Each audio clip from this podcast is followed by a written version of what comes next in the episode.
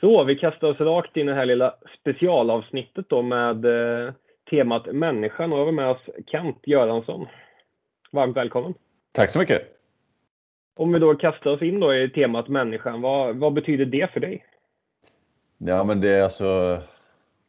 Vi kan prata hur mycket som helst om innebandyspelare, eller tennisspelare eller fotbollsspelare, vad som helst. Men om vi inte hittar grunden i den som finns bakom den här innebandyspelaren, alltså människan, så, så står vi oss ganska slätt skulle jag säga. Så att det är någonstans där vi måste börja arbeta med människan.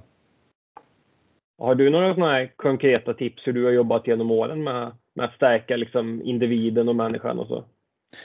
Ja, men jag är lite i grunden någonstans också lite filosofiskt lagd så sätt så gärna titta vad, vad, vad sa de gamla grekerna någonstans. Och, Eh, nu är inte han en grek, eller var inte en grek, men Kierkegaard sa det att du måste liksom möta människan på dens plats och, och för att kunna förstå henne, som han sa då, eller honom. Eh, och det är ju någonstans där det börjar, att ta samtalet med spelaren och, och, och, det handlar ju någonstans om att skaffa dig själv information liksom, som du har nytta sen när du träffar innebandyspelaren. Eh, det vill säga, där jag sitter i, i, jag börjar alltid sitta i samtal med den enskilde spelaren och liksom ställa frågor. Liksom, vem, vem är du?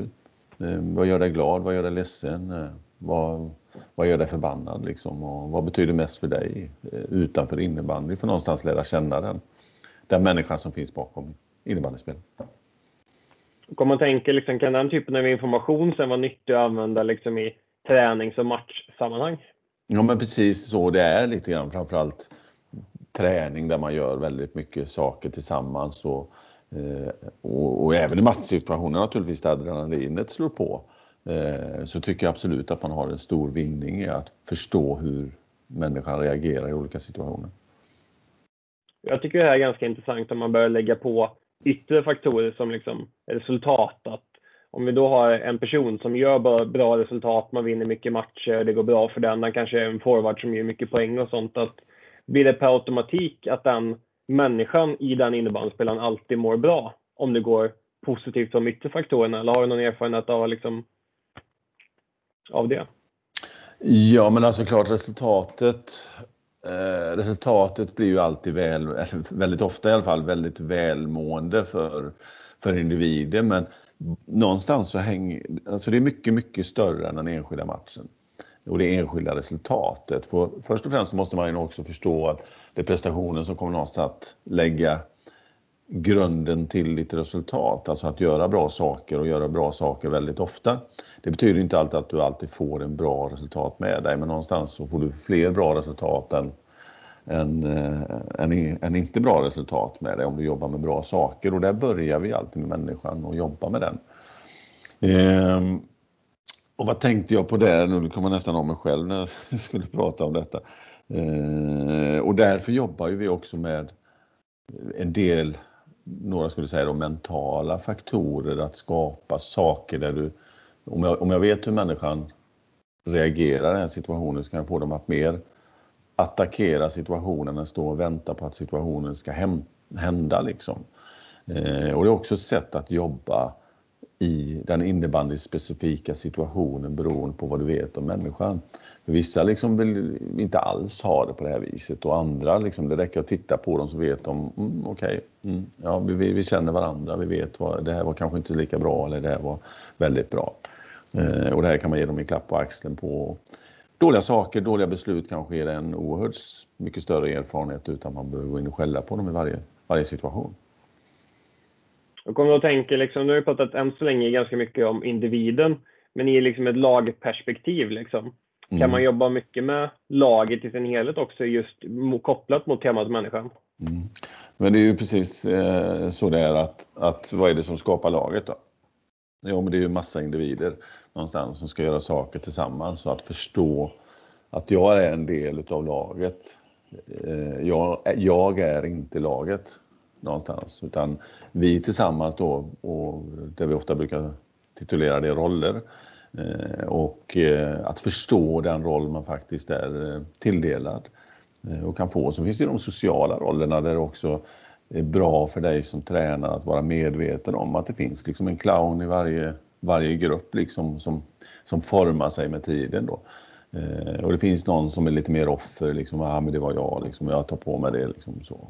Eh, och det finns liksom eh, syndabocken, liksom, det är alltid någon stackars rackare som får den här skiten och, och det är ofta samma individ. Liksom, så, här. så, så de sociala rollerna är också det. Men de offentliga rollerna, jag brukar ofta berätta i detta, eh, just med rollen då, när, en gammal historia från, från NASA när, när det var viktigt för Kennedy på den tiden att se till att, att eh, USA var först på månen. Eh, och i sin iver då att nå de här eh, framgångarna för USA så var han på NASA och besökte de potentater som fanns där egentligen för att trycka på knappen och kolla hur ligger vi till så att vi verkligen blir först på månen. Eh, och eh, på sin väg ut där så möter han en man där som står med en sopkvast och en keps eh, och sopar. Och så ja, kan det vara en väldigt vänlig man, så han gick fram och frågade vad, vad är din roll på det här företaget? Och mannen då släpper sopkvasten, tar av sig mössan, det var ändå Kennedy som var där. Och, och så säger han, jo, det ska jag säga presidenten, att min roll på det här företaget är precis som alla andra, att se till att vi blir först på månen. Och det säger ganska mycket just det här att förstå den roll som jag har. Om jag ser till att det är rent och eh, snyggt här, sopar och så vidare, så kommer det göra att andra, de som trycker på knappen, liksom, i sin roll ser till att vi blir först på månen. Och vi som lag kan göra ett väldigt bra resultat. Och det är ganska beskrivande tycker jag. Det är otroligt intressant. Eh, och då menar du att man jobbar liknande liksom inom laget, att berätta liksom att det här målet gäller för alla och det här är rollen liksom du kanske kommer utgå från liksom? Mm, ja, men så skulle det kunna vara. Alltså, så finns det ju alltid olika ingångar och så vidare. Eh, och att man jobbar med mål någonstans för den enskilda individen för att vi som lag ska då... Jag menar, en målvakt då kan du jobba på ett sätt, medan en försvarare på ett annat och, och laget som helhet. Då. Vi jobbar ju till exempel med, ofta pratar vi om ja, räddningsprocent på en målvakt då, medan vi då kanske jobbar med räddningsprocent på laget, det vill säga våra täckta skott och våra eh, målvaktens räddningar, det tillsammans, det är vår räddningsprocent. Då. Eh, och det är också ett annat sätt att jobba med mål då, på, på både individ och lag tillsammans.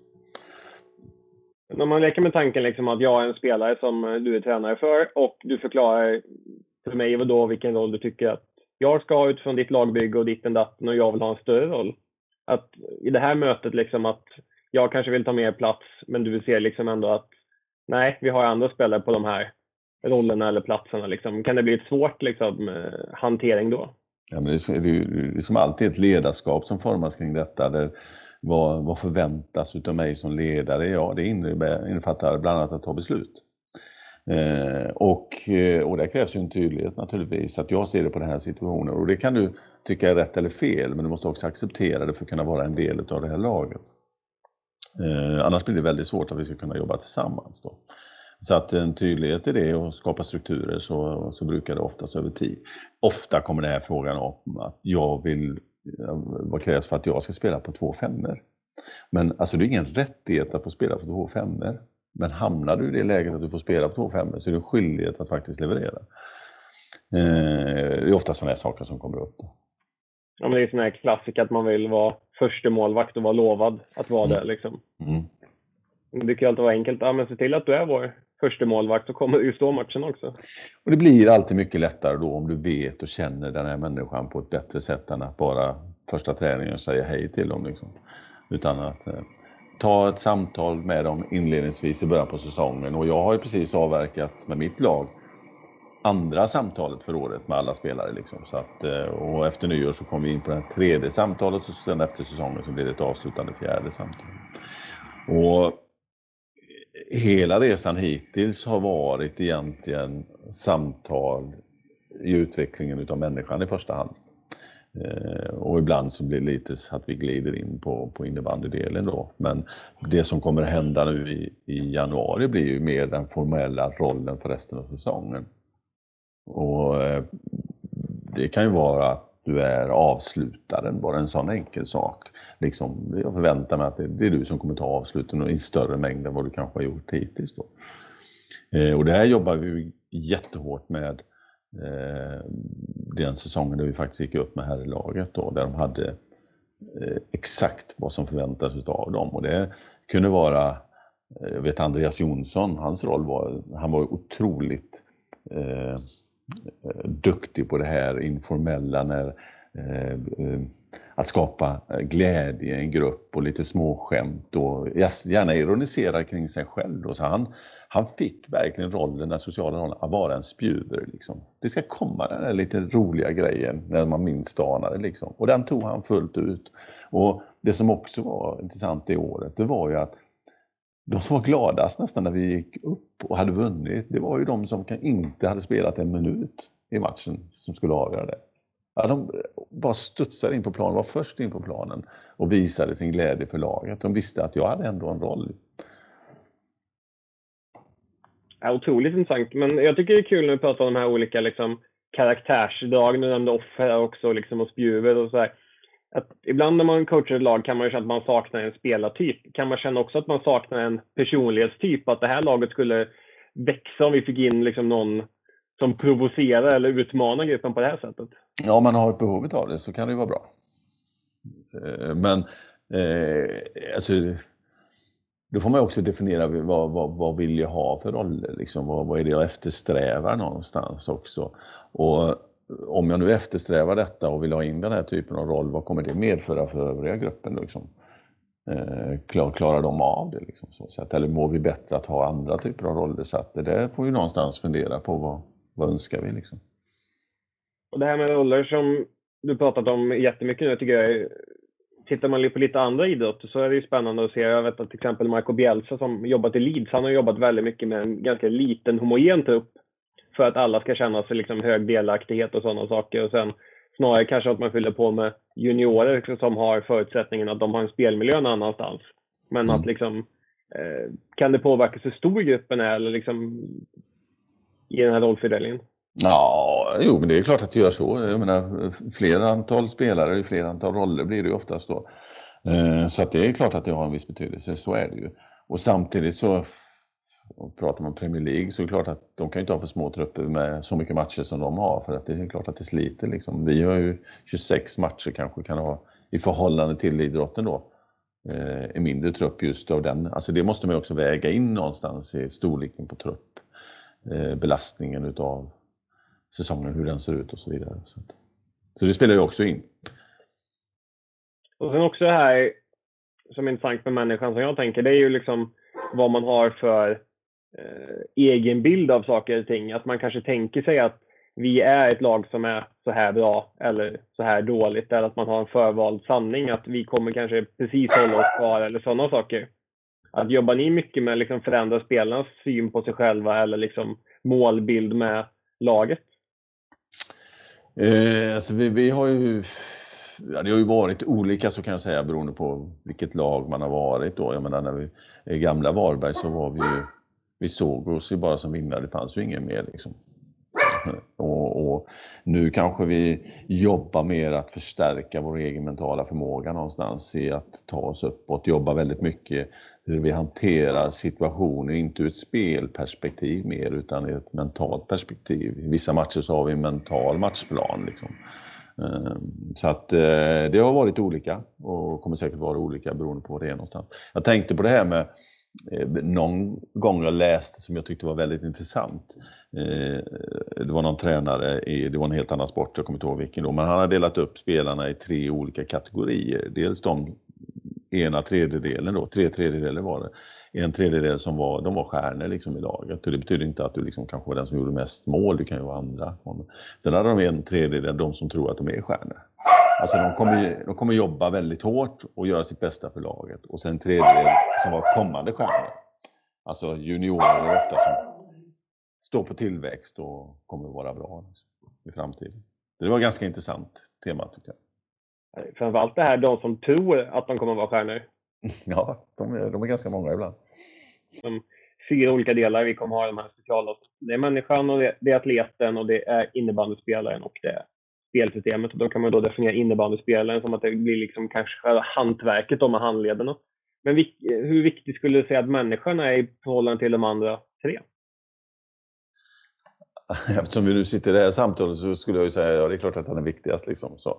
Men det går inte, jag menar, vi kan inte ha bra människor som inte kan, vet vilket så upp och ner på en innebandyklubba heller någonstans. Då. Du, du måste ju liksom ha någon skills där på banan. Då.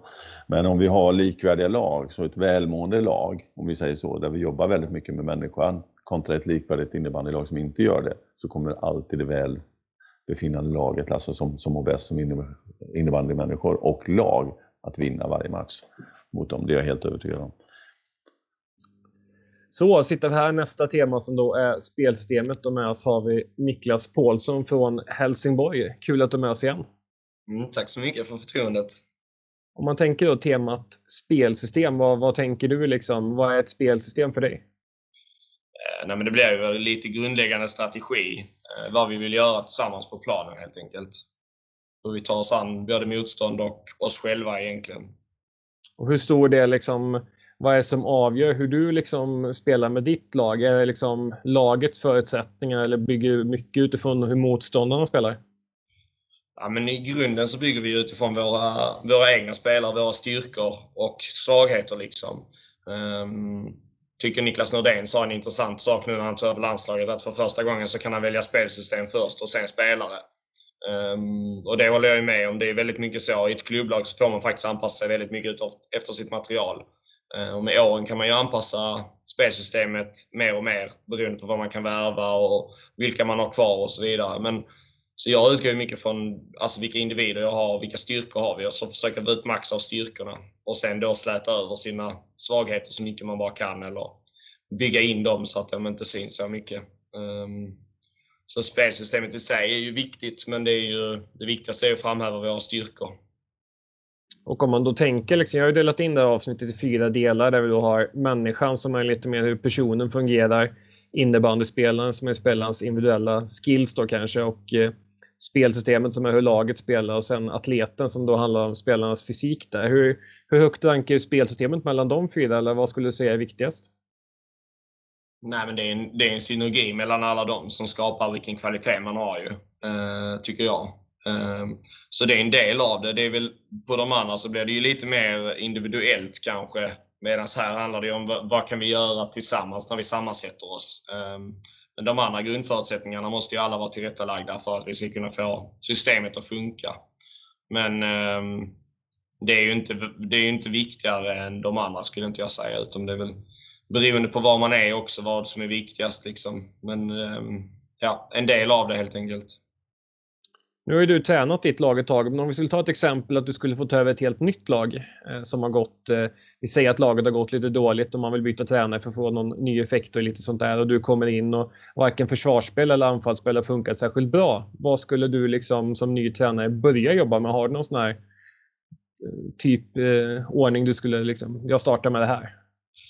Eh, nu har jag ju aldrig fått börja någon, någon, gång mitt i säsongen så det blir ju en hypotetisk fråga för mig. Men jag tror ändå någonstans att jag hade varit eh, en trygghetsmänniska och valt att börja med försvarsspelet. Eh, när jag började i, i, Helsingborg så gjorde jag tvärtom. Då valde jag att börja med anfallsspelet för jag tycker det är det vi behöver utveckla mest och det är fortfarande det vi behöver jobba absolut mest på. Nu har vi släppt in lite mer mål i år och sådär men försvaret är ändå en, en ryggrad för oss generellt. Eh, sen kan vi få bakslag som vi hade i helgen och släppa 10 mot Falun men men det är ändå vår ryggrad. Så någonstans tror jag det också skapar en trygghet att man känner att man är bra på något tillsammans. Ehm, det skulle kunna vara spelet med boll också, men, men ofta kanske om man då har gått lite sämre och man skulle ta över mitt i en säsong så tror jag att självförtroendet kan vara lite stukat om man har kommit dit att man behöver byta tränare. Då tror jag det är bra att börja med trygghet och då, då är det nog så att många i alla fall har lärt sig från början att försvaret är det viktigaste. Och med tanke på att man har den uppfostran i sporten och idrotten generellt så tror jag det är det är lättast för människan att connecta med det då. Eh, och det känns naturligt. Så jag hade börjat med det. Och om man tänker liksom eh, hur nördig kan man vara? Liksom, gör man lite grova drag för femman eller för laget att så här ska vi spela två i två till exempel och så ska vi gå ut och pressa här? Eller går, det, går man in även på liksom individuella spelarna att vänsterforward ska göra si, center här eller liksom, hur, hur nördigt kan det bli? Jag tror man ska vara eh, idiottydlig. Alltså förutsatt att alla att ingen förstår liksom. För att även om jag har en klar bild i mitt huvud så betyder inte det att någon annan förstår det liksom. Och, ehm, sådär. Så jag, jag tycker det är viktigt att gå runt ute på planen och diskutera situationerna med spelarna och sen någonstans också situationsanpassa från individen när man har informationen. Att, eh, har vi en, eh, en spelare som vill göra på ett visst sätt och, och de kan sälja in det till sin formation och till mig så har jag inga problem med att, att korrigera det utifrån min grundtanke. Ehm, så vi spelar egentligen väldigt olika, även om vi spelar samma grundsystem spelar vi ändå olika med, med olika formationer utifrån vad, vad individerna tycker är bäst, liksom, vad man har för styrkor och svagheter. Så jag tror det är sjukt viktigt att man är extra noga, eller extremt noga där. Ehm, så alla verkligen förstår. Och ännu mer om det är under säsong. Men implementeringen av ett nytt system är väldigt viktigt, att man gör det ordentligt. Liksom.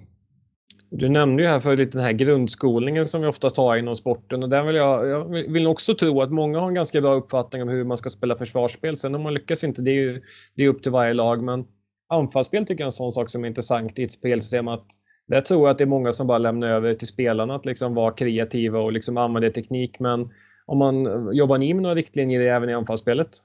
Mm, absolut. Sen, vi pratade lite innan vi började spela in här. Som jag sa, vi har ju vissa spelare i laget som verkligen bara vill spela på inspiration helst och andra som vill ha väldigt styrt. Um, så även där tror jag man får situationsanpassa och försöka bygga utifrån styrkor och svagheter och, och också lite då vad, alltså en inställning vad, vad man vill göra så att det faktiskt blir bra. Man kanske inte kan tvinga på alla att spela superstrukturerat. Uh, och bara efter linjer eh, medan andra då förväntar sig att det är så man ska spela. Så vi försöker ju hålla, hålla vissa grundspel och sen utifrån det så finns det också möjlighet för kreativitet och inspiration. Liksom. Jag kommer att tänka liksom att eh, ledaren har ett stort ansvar, men hur stort ansvar har respektive femma och spelarna liksom i att sätta ett spelsystem och att se till att det funkar? Jag tycker alltid att alla har ett ansvar när det är en inlärande process. Alltså ska vi lära oss något nytt så måste man ju vara intresserad av att lära sig. Ehm, jag tror inte att man kan lära sig om man inte vill lära sig. Så att, ehm, det gäller att försöka involvera sina spelare mycket tycker jag i hur man ska spela och varför. Ehm, och är de med på det och tycker det är stimulerande så kommer man ju få en högre inlärningsgrad tror jag. Och då tror jag också som ledare att man lär sig mer själv när man har deras input. Så involvera spelarna tror jag är väldigt viktigt i de, i de delarna. Sen får man ju såklart ha en grundfilosofi och en tydlig plan och tanke varför man gör på visst sätt. Liksom. Men eh, kan de vara med på det så tror jag de kommer vara mer motiverade.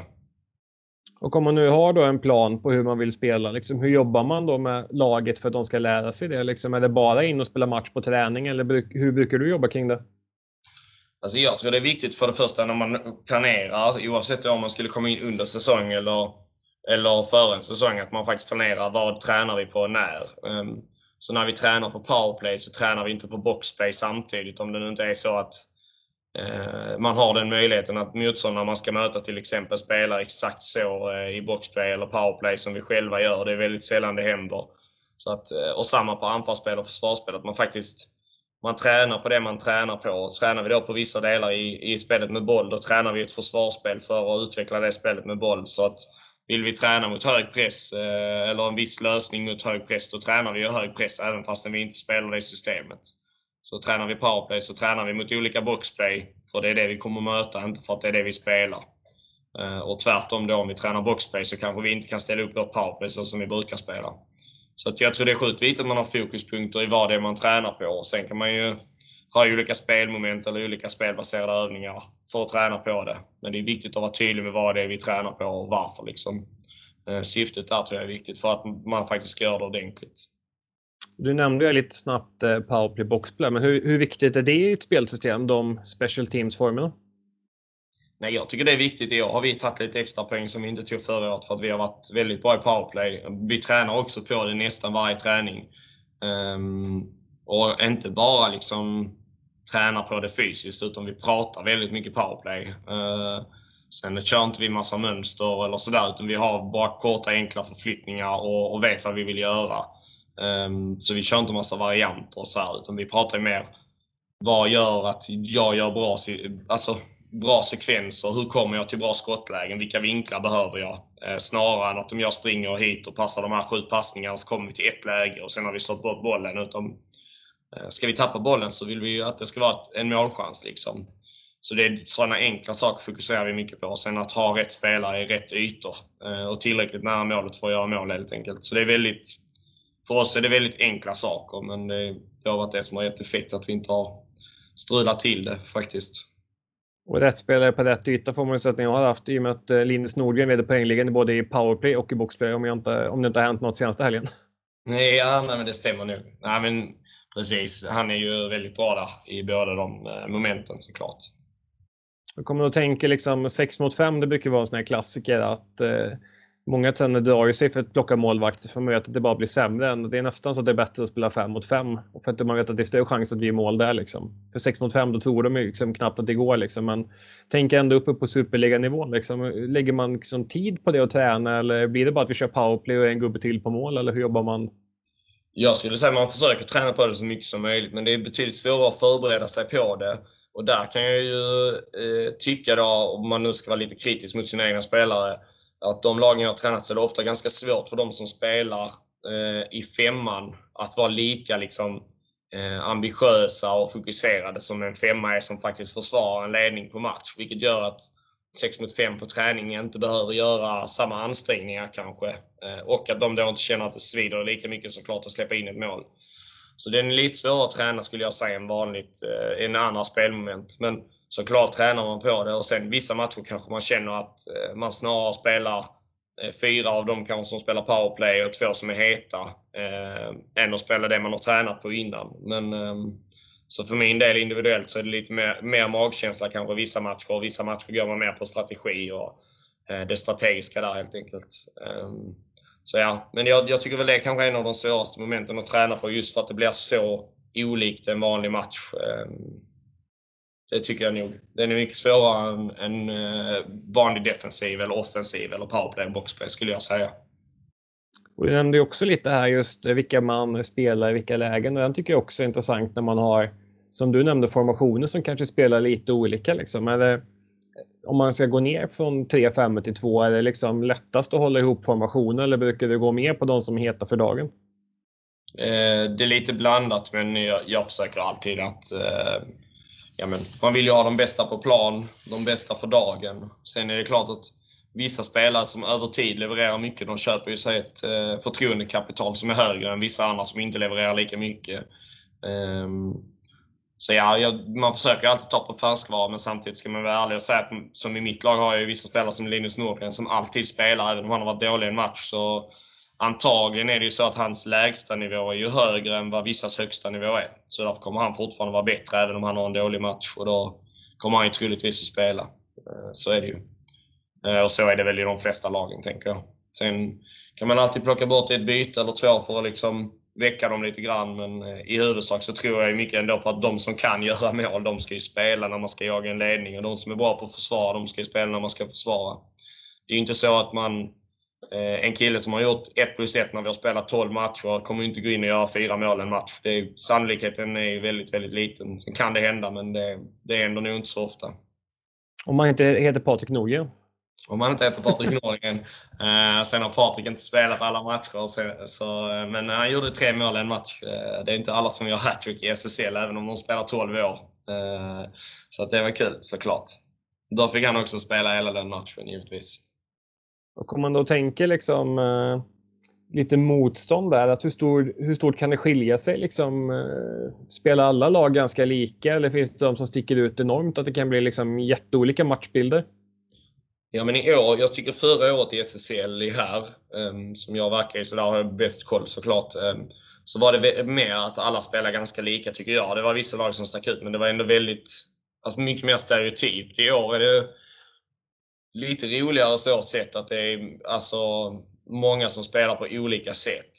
Um, Sen vet jag inte om alla tycker alla spelar roligt för det, men jag tycker det är kul att det ändå är att man har olika identiteter. Så jag vet att Oskar Lundin också påpekar det. Eh, jag tycker också det att det är kul att man står för olika saker. Och jag tycker det är roligare att det finns olika sätt att spela än att vi fokuserar så mycket på vad som faktiskt är kul och inte kul. För det är ju ändå kul att vinna i slutändan. Det är därför vi håller på.